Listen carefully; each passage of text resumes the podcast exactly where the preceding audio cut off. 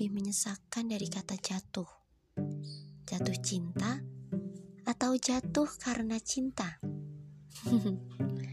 Sulit memang. Dua kalimat itu sama-sama mengajarkan kita untuk mengenal perbedaan tipis antara rasa sakit dan juga kebahagiaan.